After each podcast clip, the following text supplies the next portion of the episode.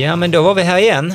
Fan, en vecka går fort, men uh, man längtar ju. Man längtar efter våra små shenanigans och denna veckan har vi haft en mega shenanigan uh, förra fredagen ju, där vi uh, spun the wheel of kulmage.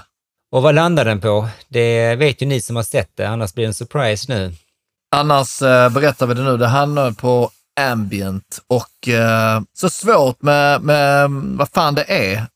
Jag har faktiskt Wikipedia-sidan uppe as we're speaking. Eh, den är lite torr ju, men det kan vara kul att åtminstone se vad de säger. Eh, ambient betyder omgivande, inom citattecken, eller bakgrund och används i första hand som benämning på musikgenre, men även som ett adjektiv för att beskriva allmänt lågmäld och jäckande musik. Mm, alltså som drone då, den är väl jäckande? Det är ofta framställs med dator eller annat elektroniskt instrument, långsam, ingen rytm eh, och ska mm, ha mm. myntats mm. först av Brian Eno under 1970-talet, som också är det mest kända namnet inom genren. Verkligen.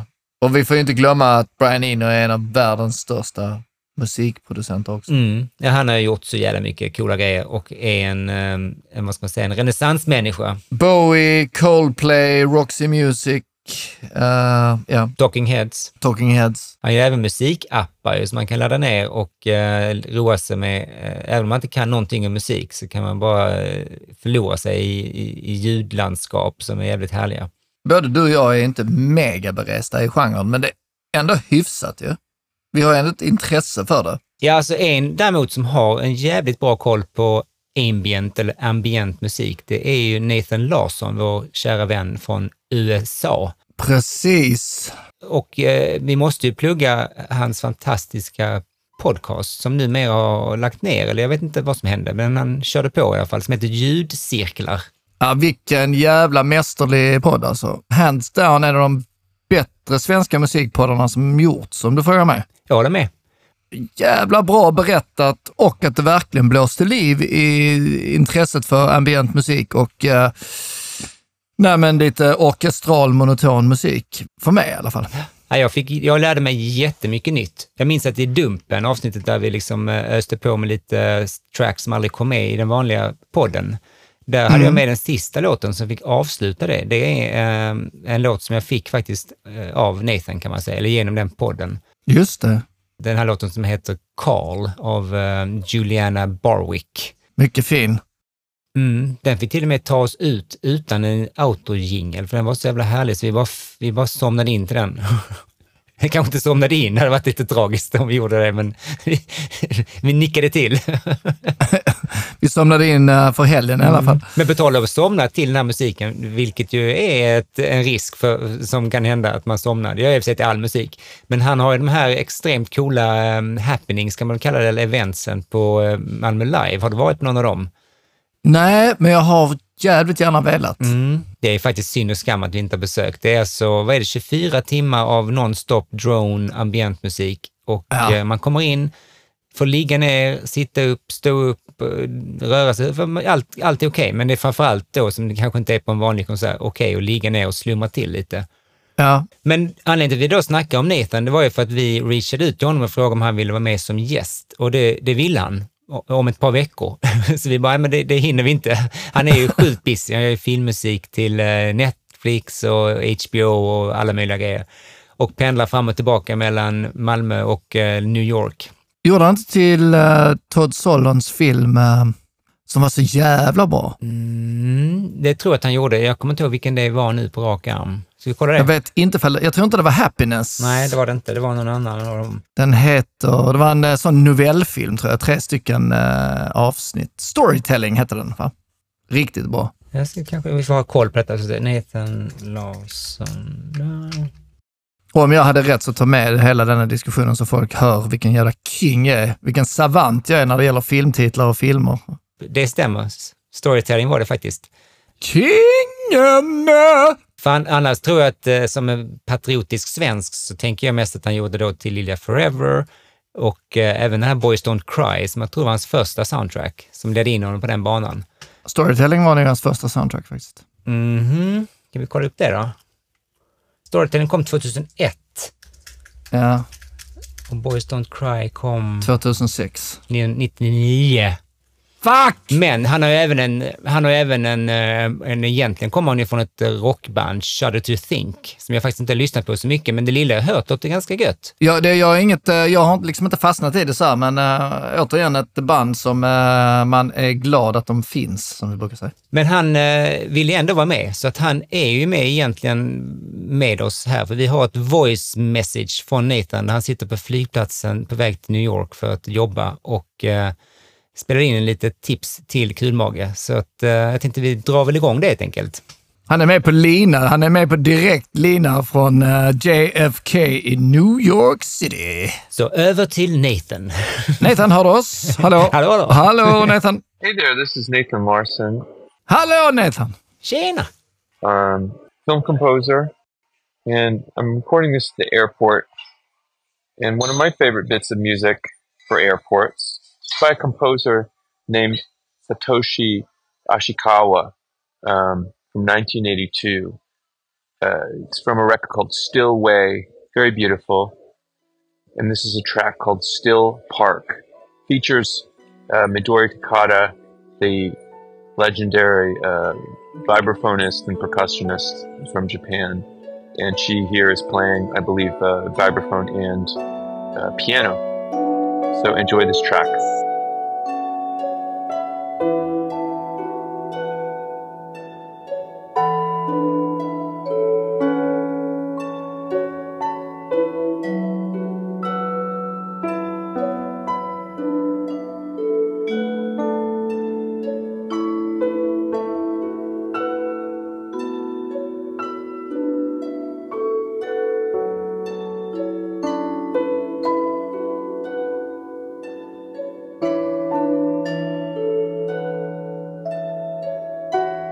Hette hon? Mitori? Nej, det var inte helt lätt här att höra vad eh, han sa i namnet. Man får nästan sa det en gång till. Satoshi Ashikawa.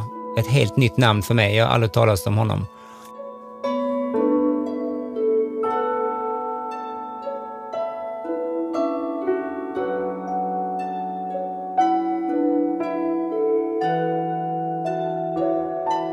Alltså det här är 12 minuter av eh, sånt här mys Um, precis som ambient musik ska vara. Man kan eh, nästan hoppa in var som helst och det är bara gött. Detta är verkligen en, uh, från en riktig konnässör. Uh, detta är, får man verkligen säga, är allt vad ambient musik handlar om lite grann.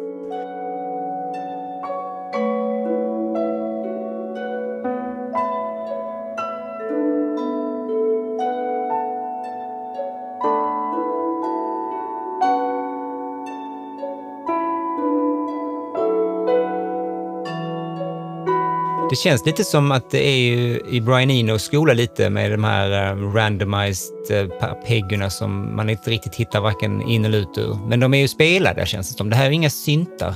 Det är... Ja, här är det verkligen spelat måste jag säga.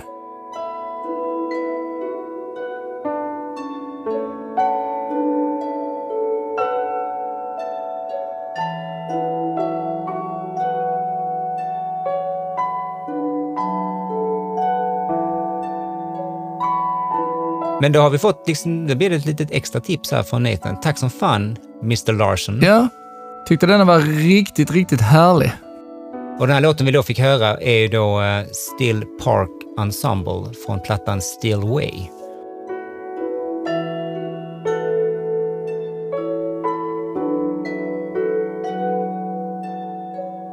Men eh, Martin, eh, vilken låt var det du hade tänkt spela då som den här veckans ambienta tips?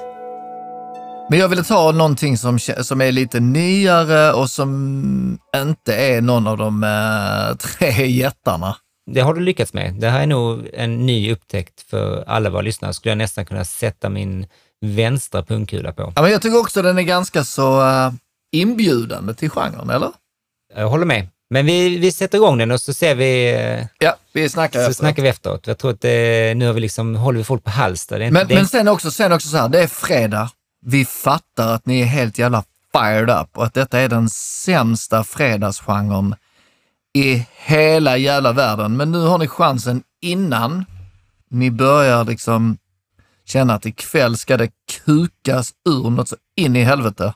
Eller så tar ni det på lördag morgon när det har kukat ur och ni bara ligger där och, och, och sträcker er efter Resorben. ni kan stänga av nu och så bara sparar ni det till ni ska gå och lägga er på fredag en lite söndag kväll när ni går och lägger er, darriga av ångest inför morgonen. Eller så bara tar ni liksom så här innan fredagens shenanigans, så bara på med lurarna och bara Åh, vad gött! Insett, detta är inte bakgrundsmusik, detta är inte mindfulness på något sätt. Detta har ingenting med det att göra, utan detta är liksom bara vanlig, hederlig musik.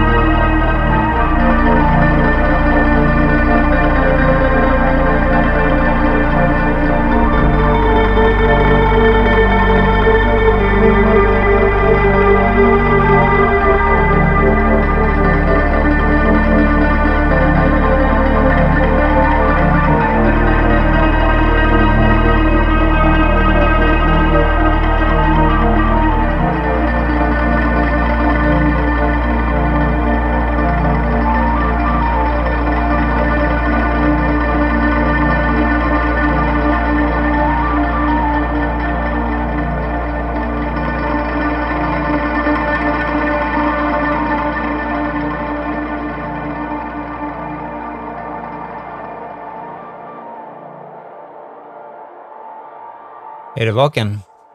Jag är vaken. Jag sitter bara och låter det, eh, vad heter det, omfamna mig. Fantastiskt. Det finns ju ganska mycket som jag gillar så.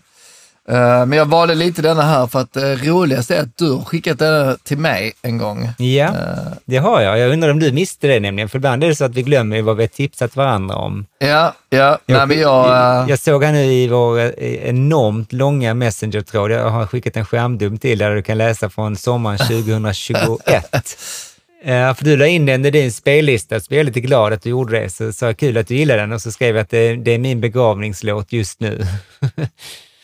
Ja, men det är kul. Jag visste inte ifall du hade, för att ibland så slänger du in låtar som du vet att jag skulle gilla, men som kanske du inte nödvändigtvis själv skulle uppskatta. Nej, men det gör jag. Men det här var inte en sån. Den här, har jag, den här älskar jag så djupt och så innerligt. Det här är någonting väldigt, väldigt speciellt för mig.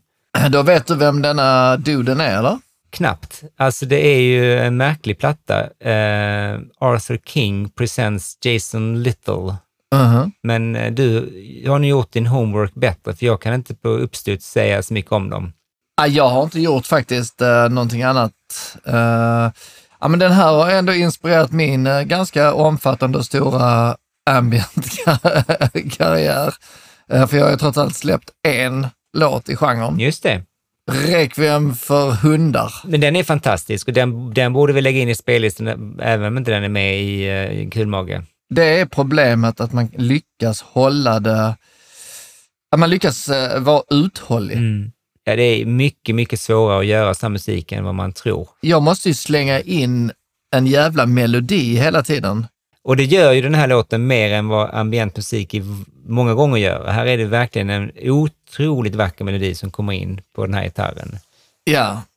Och den är lång och utdragen, precis som uh, Requiem för hundar, för att jag spelade in den melodin i eh, 180 bpm som en popmelodi.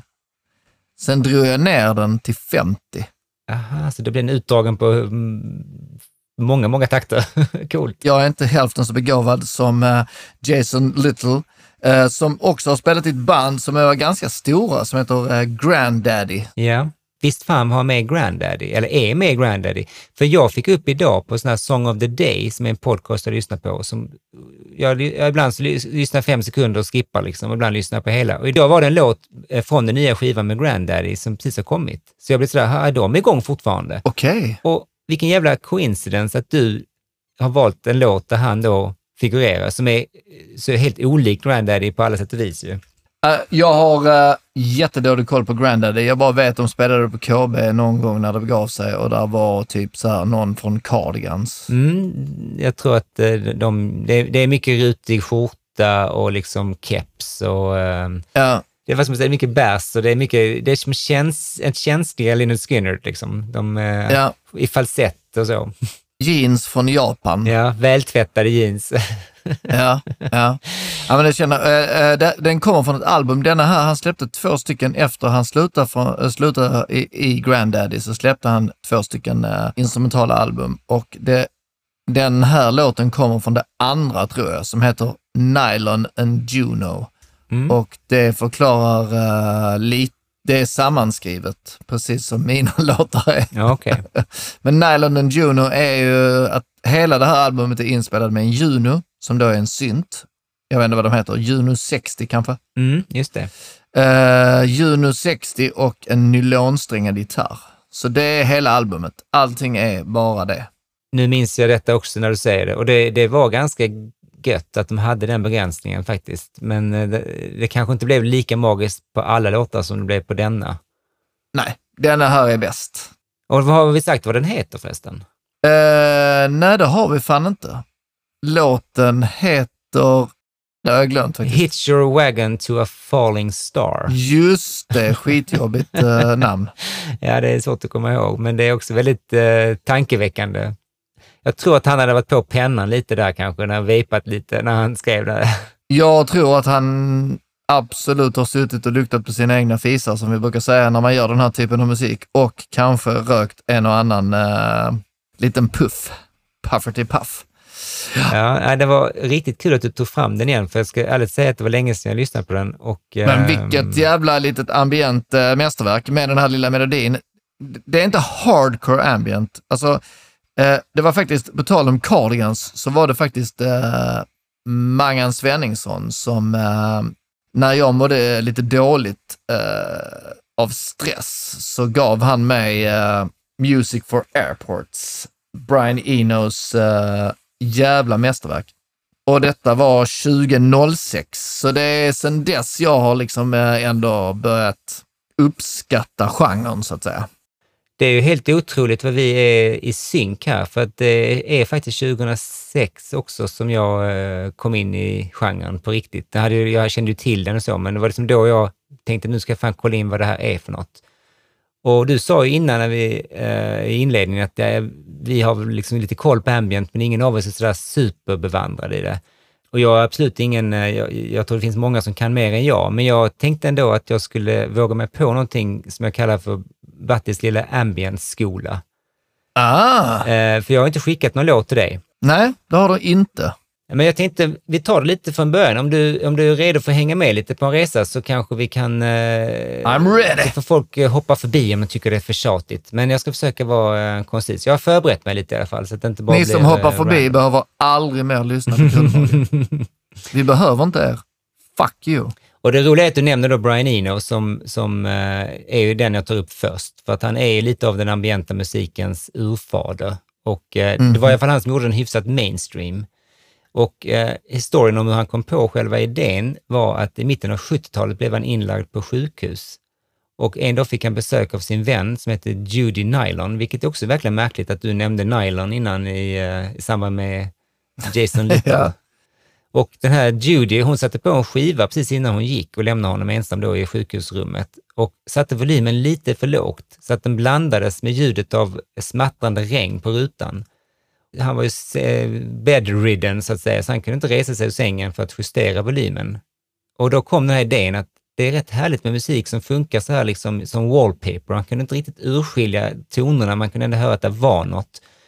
Det låg liksom i bakgrunden och inte i förgrunden. Och det gav den här idén att jag ska, jag ska försöka göra sån musik medvetet. Och det ledde till eh, att han 1975 släppte ett album som heter Discreet Music. Eh, och det är bara ett enda långt spår. På den tiden fanns det ju bara vinyl, så att eh, låtens längd blev helt enkelt avgjord av hur, lång, det, hur mycket man fick in på en vinylskiva. Eh, den är 30 minuter, eh, ena sidan där så att säga. Å andra sidan är en tyst minut, eller? Jag vet faktiskt inte, det kanske är att det fortsätter. Jag har ju den bara på streaming. Men det spåret i alla fall, jag tänkte vi kan lyssna lite på det. Det är svårt att höra på hela och förklara själv, men vi bara doppar tån lite i det. Och det här blir lite motsägelsefullt, för ambient-musik ska man inte doppa tån i. Man måste lyssna på eh, i sin helhet. Man måste komma in i det, ja, som det heter. Ja, precis. Men vi kan sätta igång medan vi pratar lite. Det här är då 30 min- minuter av det här och för min del är det liksom helt perfekt om man eh, bara vill lyssna liksom, medan man läser eller pysslar med någonting annat och eh, inte vill störas av musiken liksom, egentligen.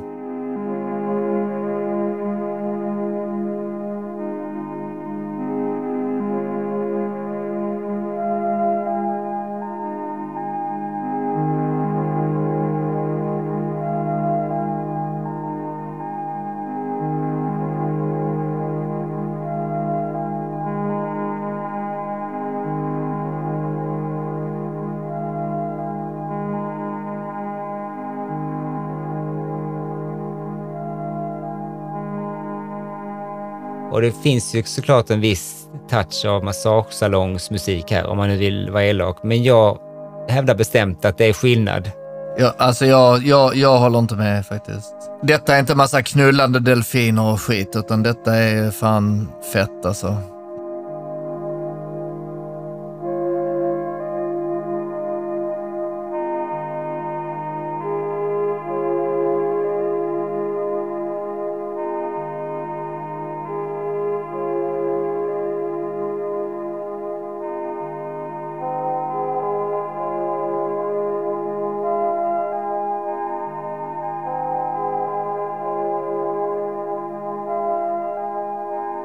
Och detta är alltså då 1975.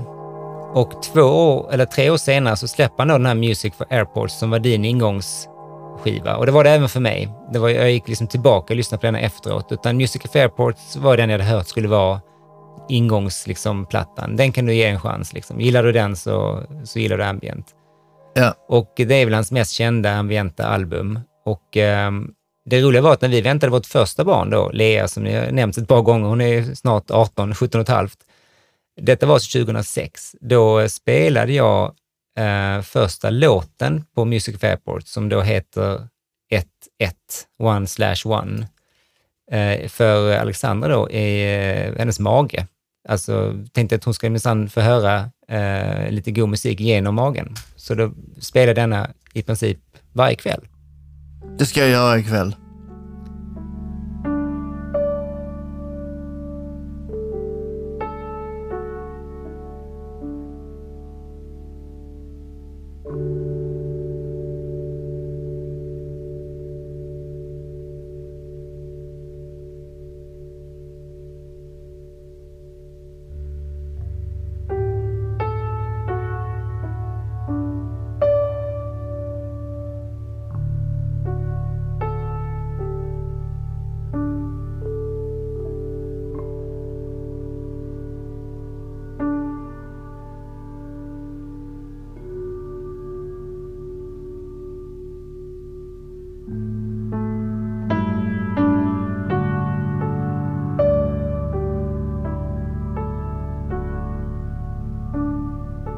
Sen när hon väl hade kommit ut så fortsatte vi spela den här musiken för henne vid läggning.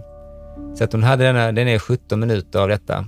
Och då låg eh, det i svagt, svagt, svagt liksom i hennes sovrum och så fick hon somna till detta. Och vi tänkte att det här är liksom magic, det är det som får henne att bli lugn och vi har liksom hittat ett sånt jävla hack. Liksom. Vi till och med instruerade våra barnvakter att de skulle eh, sätta på den här jävla MP3-spelaren om de nu skulle lägga henne under sitt pass. Men det roliga är då att när hon blir så gammal att hon kan prata, så är nästan det första hon säger, kan inte stänga av musiken.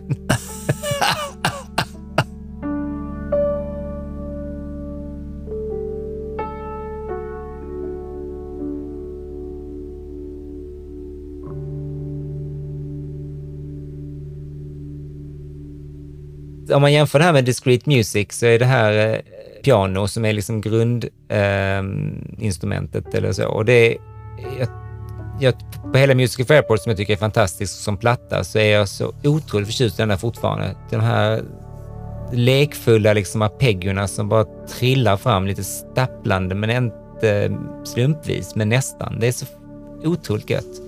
Och de dissonanta tonerna där med vibrafonen, alltså det är bara helt sinnessjukt. Och det här är också helt sjukt att tänka att det här är inte liksom gjort i datorn. Här kan man inte flytta på lite spår och sånt, utan här har man fått tänka till liksom. Och någon, någon typ av system har ju varit igång här för att det ska bli så här. Mm. Och jag vet inte hur han har gjort det, men det, det är hundra gånger lättare att göra idag ju. Detta är live. Ja, det är live ju.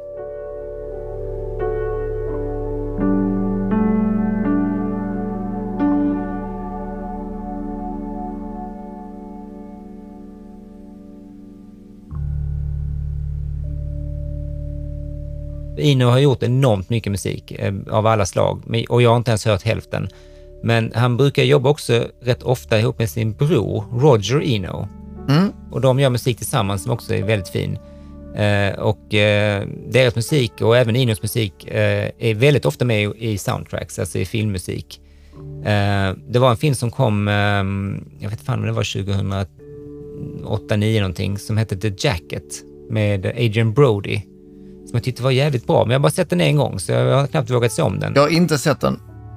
Det var en låt, eller ett stycke musik i den som jag blev helt förtrollad av och på den tiden så kunde jag liksom inte shazamma. Så då gick jag in på IMDB och letade liksom som en galning alla forum jag kunde hitta efter någon som också uppskattar den här lilla snutten, för den är med ganska lite, i en liten sekvens bara. Det är inte temat liksom. Och till slut var det någon som hade, precis som jag, vad är det de spelar i bakgrunden i scenen i slutet? Och det var någon som äntligen sa, det är den här låten som heter Always Returning. Så jag tänkte att jag skulle spela upp den också. Bra uh, titel.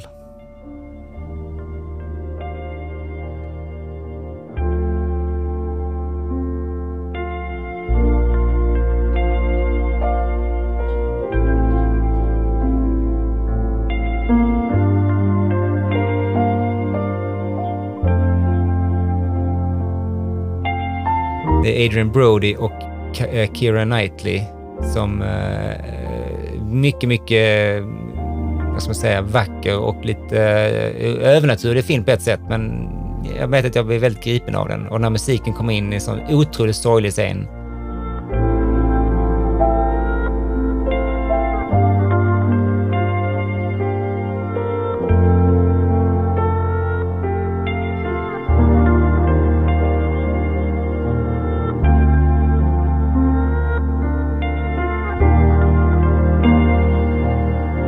Den är med på ett par olika skivor av någon märklig anledning, men jag tror att den, den här versionen som spelar nu är med på Apollo, som, som kom något år senare, jag tror den kom på 80-talet. Inte hört uh, den här faktiskt.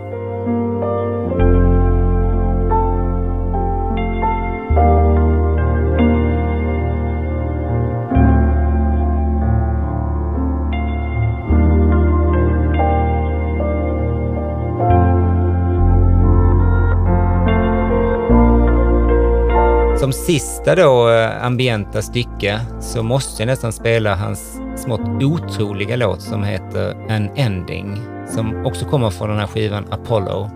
Den heter egentligen eh, Apollo Atmospheres of Sound, men jag tror folk kallar den oftast bara för Apollo.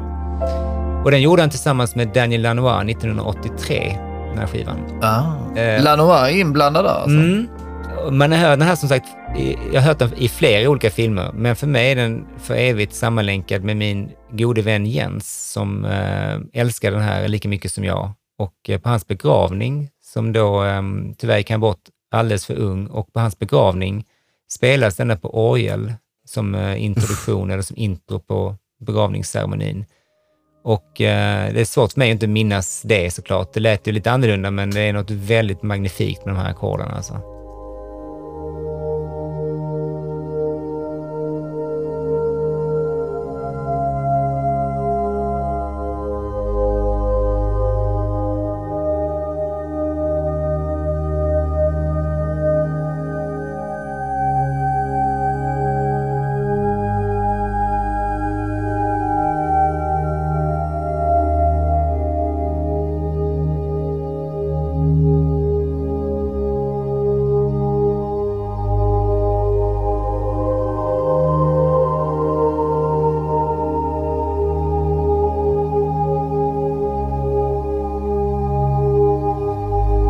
Välja tillfällena ganska noga när jag drar igång den här för att den, eh, jag vill liksom ja. slita ut den.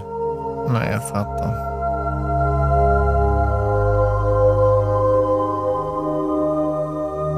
Mm, den är mäktig.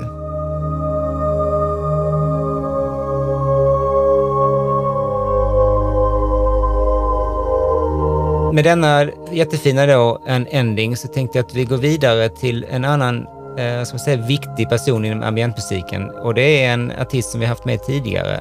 Det är Aphex Twin. Mm. Han är ju definitivt mest känd som eh, elektronika-trollkonstnär med smattrande trummor och syntar som blippet bloppar. Mm. Men han släppte 1984 sin Selected Ambient Works Volume 2 och eh, då som titeln antyder så är det då en uppföljare till Selected Ambient Works 85 92, som jag tror jag nämnde faktiskt i det avsnittet eh, nummer sju, där han var med eh, med en låt. Ja, men det gjorde du. Och eh, den är egentligen inte så ambient tycker jag. Den, Skulle precis säga det. Jag tycker inte alls det är så... Nej. Ja. Har du hört den där Selected Ambient Works Volume 2? För den är lite mer krävande, minst sagt. Det är mycket musik och så. Uh, jag har lyssnat, ja. Mm. Det är ju en dubbelskiva på den tiden när man köpte CD-skivor. Mm. Jag köpte inte den när det var en CD-skiva. Jag har lyssnat slött på äldre dagar. Det gjorde nu jag också ganska länge för att det är så mycket att ta in och än idag är det många spår på den som jag kanske inte riktigt kan utan innan. Men här finns några guldkorn och han har aldrig varit särskilt glad i sådana konventionella låttitlar. Men eh, här har nu släppt sargen helt, så att eh, de heter ingenting, utan det är bara Disc One, Track One. Och jag tänkte faktiskt vi tar den och då är det um, cirka sju minuter av detta uh, och det är um, förvånansvärt gött. Men man får lyssna på det lite för att komma in i det.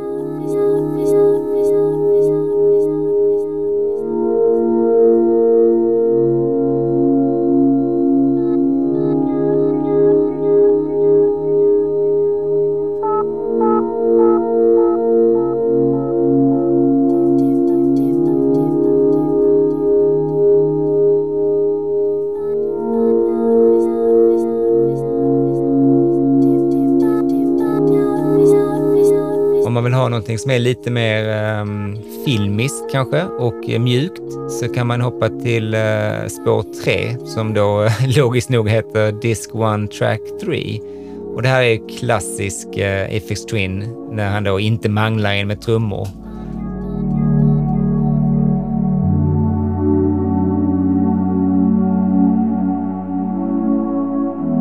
strax under åtta minuter av det här och eh, jag garanterar att du mår bättre i själen efteråt.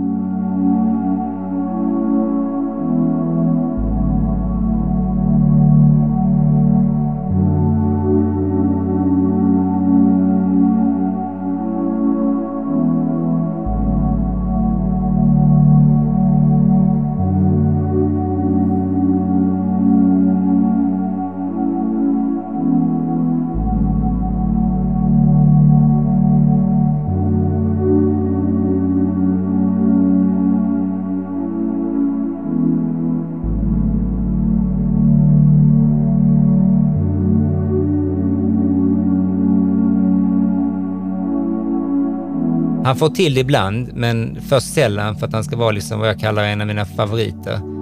Så att jag tänker vi går vidare till ett annat band som jag undrar om du har någon koll på alls, som heter Stars of the Lid. Inte alls hört. De är eh, något av sådana här uh, riktiga, liksom, um, ja, ska man säga, klassiker är fel att säga, men de, är, de, är, de, har, de har extremt mycket cred i det här sammanhanget, men de är absolut inte de kändaste. Det är en duo från Texas som består av två killar, eh, då, såklart eftersom det är en duo. Brian McBride och Adam Wiltsey. De släppte sju album mellan 1995 och 2007, men båda två har gjort musik på egen hand, en hel del faktiskt. Och jag har till och med gjort ljudet live åt eh, Adams soloprojekt som heter Dead Texan, där de spelade på Inkonst way back på slutet av 90-talet. Nu hinner inte kolla på det texten idag, de är jävligt bra också, men uh, Stars of the Lid har ett väldigt säreget sound. Um, de jobbar mycket med effektgitarrer, stråkar och blås. Och det är också inga melodier utan bara otroligt härliga pads, mattor som bara matar på. Och det vi hör här nu är då Music for Twin Peaks Episode 9 från deras skiva Ballasted Orchestra från 1997.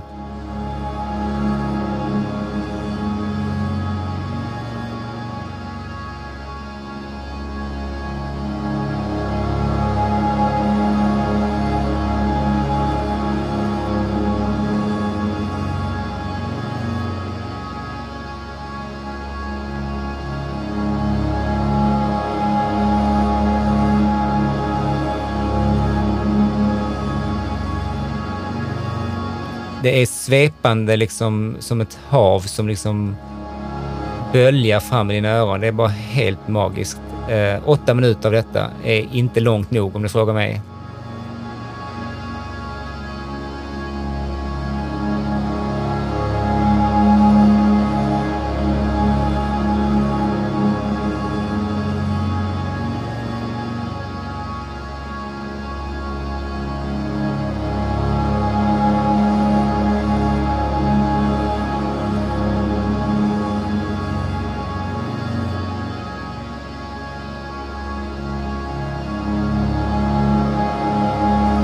2001 så släppte de en skiva som heter The Tired Sounds of Stars of the Lid. som en liten ironisk titel. Och eh, jag måste spela upp en låt där också. Det är den andra låten och sista jag spelar upp med dem. Som heter A Love Song for Cubs plus Part 1. En kärlekslåt för björnungar. Fantastiskt bra titel.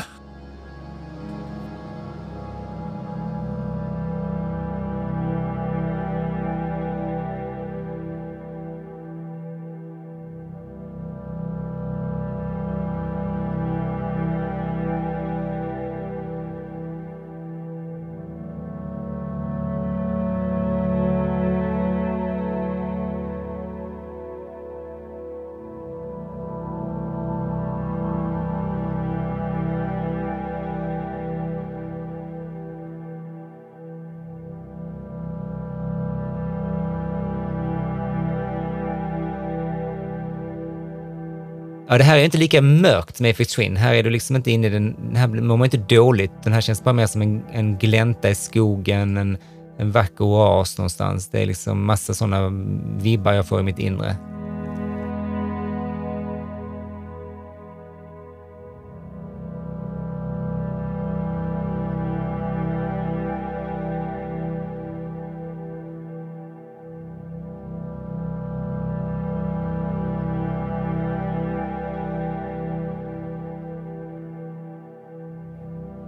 Det låter som björk. eh, Detta är lite... Mm. Just att det är lite blås, ja. Woodwinds. Hon har nog uh, lyssnat på detta. här. Mm.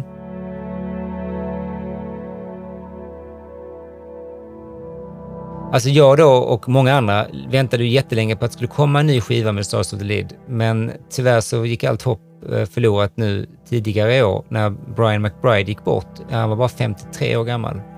Aha. Eh, Det blev eh, tyvärr inga stora rubriker över detta, men jag eh, fick ett lite sånt, ah, Du skickade till mig och jag bara Mm. Brian McHugh. ja, exakt, jag minns det.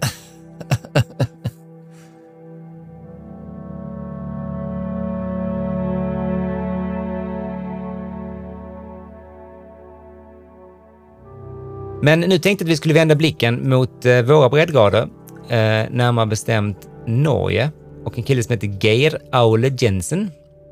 Jag vet inte så mycket om honom mer än att han har varit med i massa olika band innan han började släppa musik under namnet Biosphere i början av 90-talet. Uh, eh, ja, han har släppt jättemycket skivor och jag har hört väldigt mycket av det, men uh, långt ifrån allt. Min gateway drug in till honom var uh, plattan Cirk, eller Cirque, som kom 2000 och jag tänkte spela låten Algae and Fungi Part 2.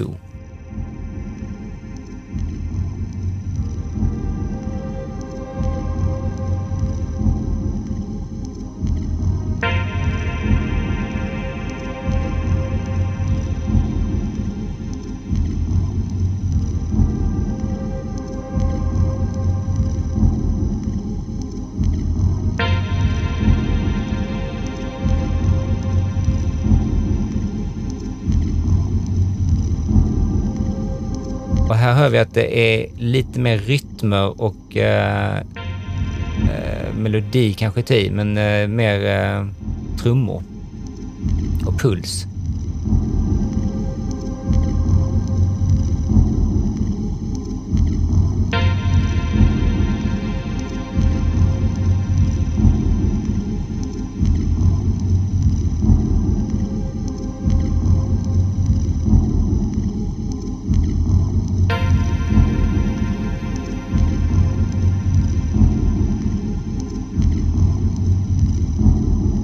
Men han är definitivt en av de här riktiga eh, mästarna inom genren, ska jag säga. Hans ambienta mm, plattor är mm, överlag, alla, alla är bra.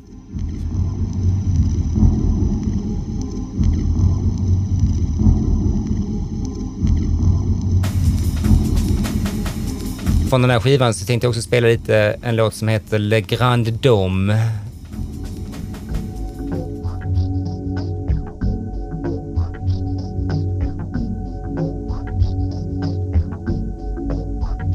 Mm. Även här är det lite rytmiska element och så, men framförallt har den röstsampling i sig som jag alltid varit väldigt svag för, som ni vet.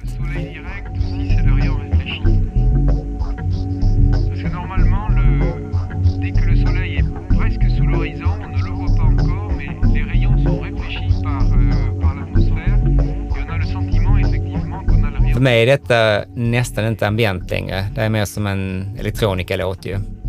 Men om man lyssnar på eh, plattan som kom 2006, alltså sex år senare, som heter Dropsond, eh, som är mm, mer klassisk ambiens, så, eh, så hör man att han, han kan jobba liksom med puls, även om inte det är liksom trummor direkt.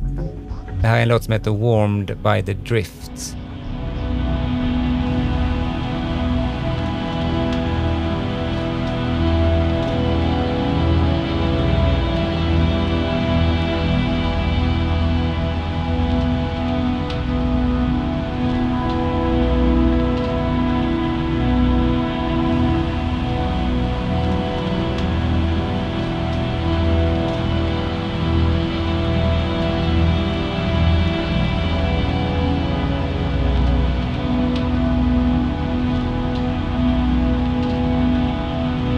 Har du någon koll på Biosphere, Martin? Nej. Men jag kan nästan eh, lova att du har koll på nästa kille jag tänkte ta upp. För att jag kan inte prata om ambient musik utan att nämna William Basinski.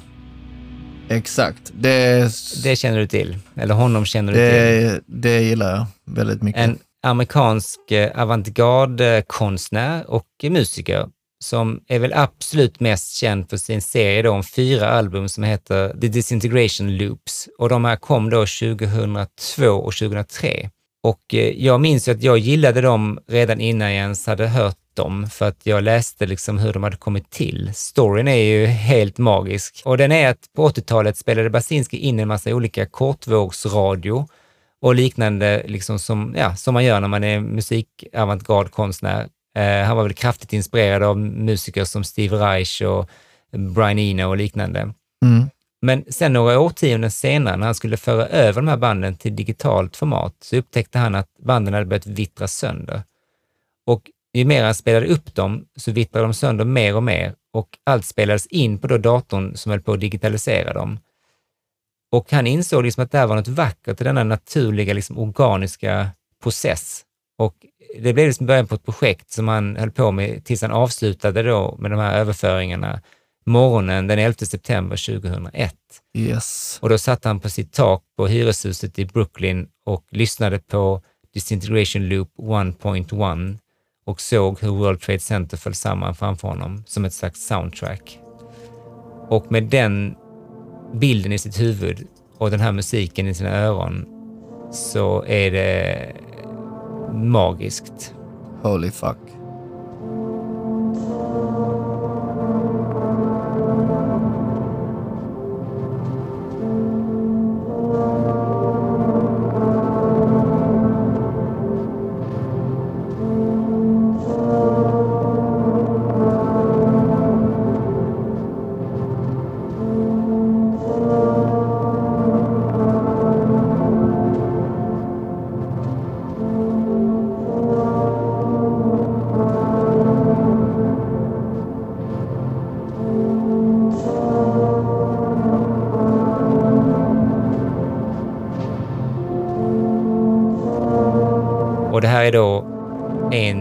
Tre minuter av detta. Och tro mig, inte kanske för förfesten, men förvånansvärt länge är det fängslande.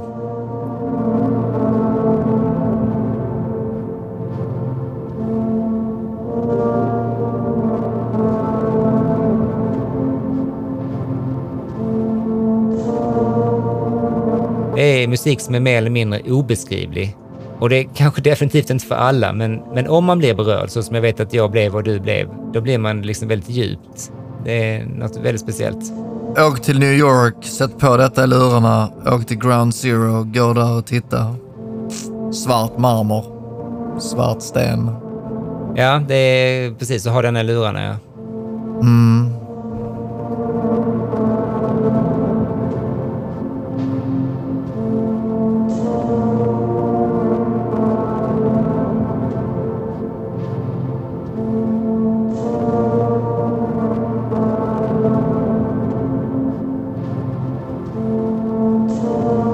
Ja, det är kanske ingenting jag lyssnar på varje dag, men, men eh, inte rakt igenom i alla fall. Men det är en milstolpe inom genren.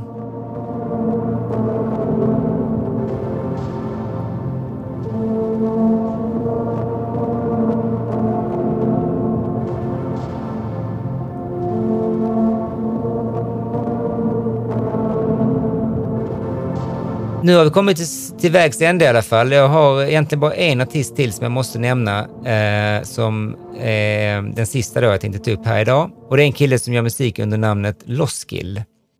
Eh, det här lite udda, kanske, namnet, det kommer från eh, en knapp eller en funktion på syntar är, som heter Looping Oscillator. Eh, det förkortas det Loskill. Han heter Scott Morgan, kommer från Vancouver Eh, han har släppt rätt många plattor sedan eh, 1999 och jag har hört de flesta. Eh, jag är ett ganska stort fan, men jag har faktiskt ingen direkt favorit för att alla är väldigt jämna. Han låter som han gör.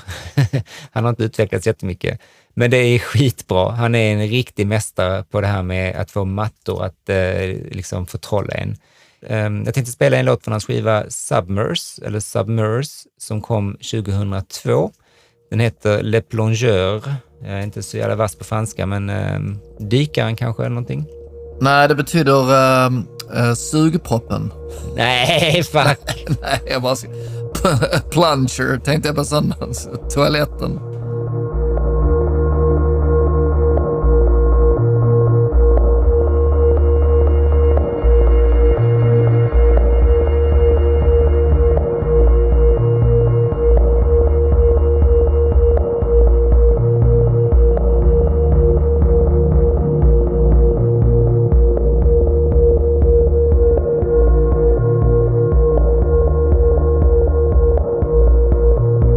Det är då väldigt typiskt eh, Loskill-soundet. Liksom en mufflad rytm som knappt går att höra ibland och en ganska markant bas som kommer in och ger liksom en hel del rytm, fast det är aldrig trummor eller väldigt sällan rakt fram trummor som Biosphere hade.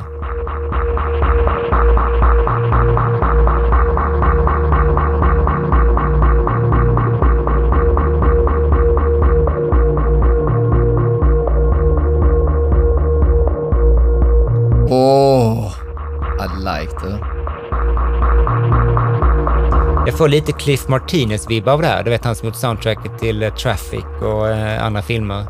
Ja. Han jobbar också med sån här djupbas, sån här bas som jag verkligen älskar. Som man hör tonerna så tydligt och den bara håller liksom saker och ting ankrade.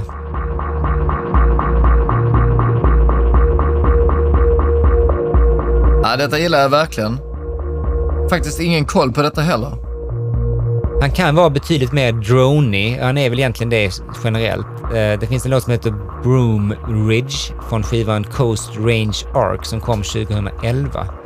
Det här är väl liksom lite mer av hans droniga sida.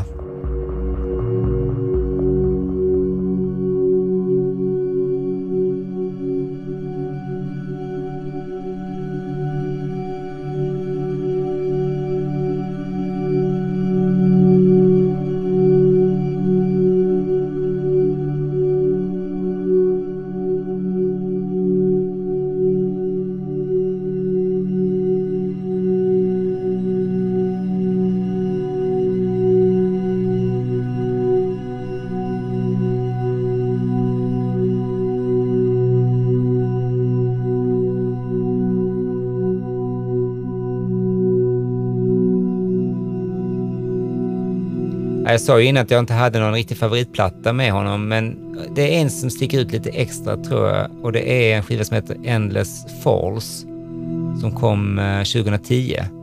Och då tänkte jag att vi skulle avsluta med att lyssna på en låt därifrån som heter Dub for Cascadia. Och den är eh, sex minuter av ren bliss.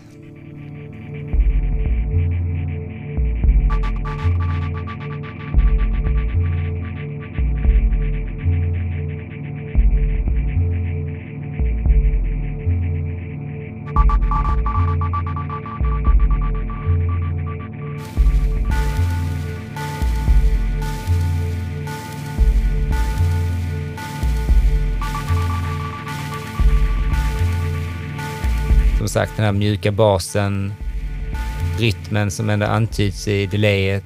Det finns liksom en puls i det.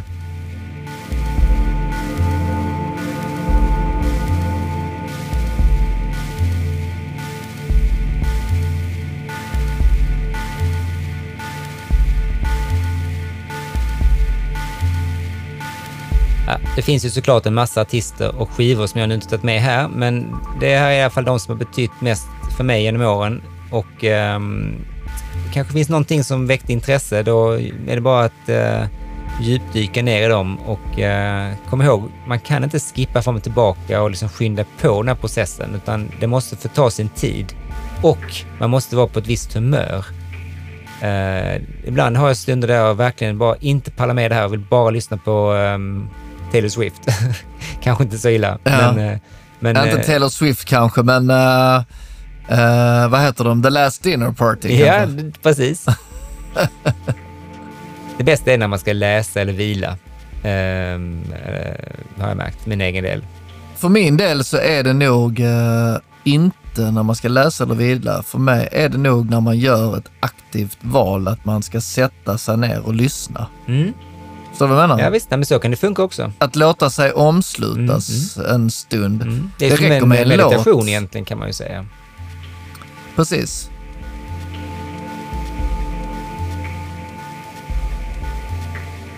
Ja, så här kan det gå när man uh, spinnar the wheel och jag fick feeling. Nu blev det här, vi har ju lovat varandra att våra avsnitt ska vara korta, snabba soundbites, men egentligen kanske detta skulle varit ett uh, bonusavsnitt, men Nu blev det så här och det var många, till och med, nu blev jag verkligen tipsad på riktigt här.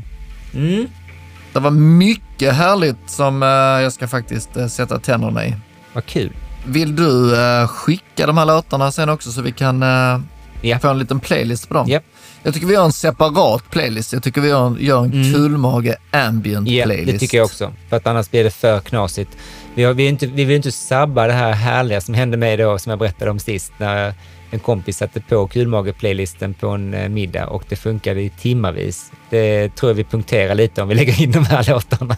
En timme med Basinski mitt i efterrätten. Ja, Ehm, nej, men det gör vi. Det, ni, ni kommer hitta allting eh, på sociala medier som vanligt. Och eh, med detta säger jag tack för mig och eh, nästa vecka är vi tillbaka lite mer normalt. Tipsa varandra in and out, dirty and quick, eh, pop och rock och eh, skumma låtar, men kanske inte en sån här lång utläggning. Men det kanske blir en annan gång. Du kanske skolar mig i punken eller något. så kan det bli. Det var faktiskt väldigt, väldigt, väldigt uh, mysigt med en, eh, med en sån här liten, eh, ett litet föredrag. Mm. Du, nästa gång vi ses så kan det ha hänt grejer. Nu är vi i väntans tider, så att... ehm, Ja, men ingenting stoppar kulmage, eller hur? ingenting stoppar kulmage. Det blir lite ambient uh, bebisskrik i bakgrunden. Ja, just det. Lite field recordings. ja, Ja, ta hand om dig. detsamma. Take it Nu easy, ska du. massera min flickväns fötter. Puss puss, hej! Hej!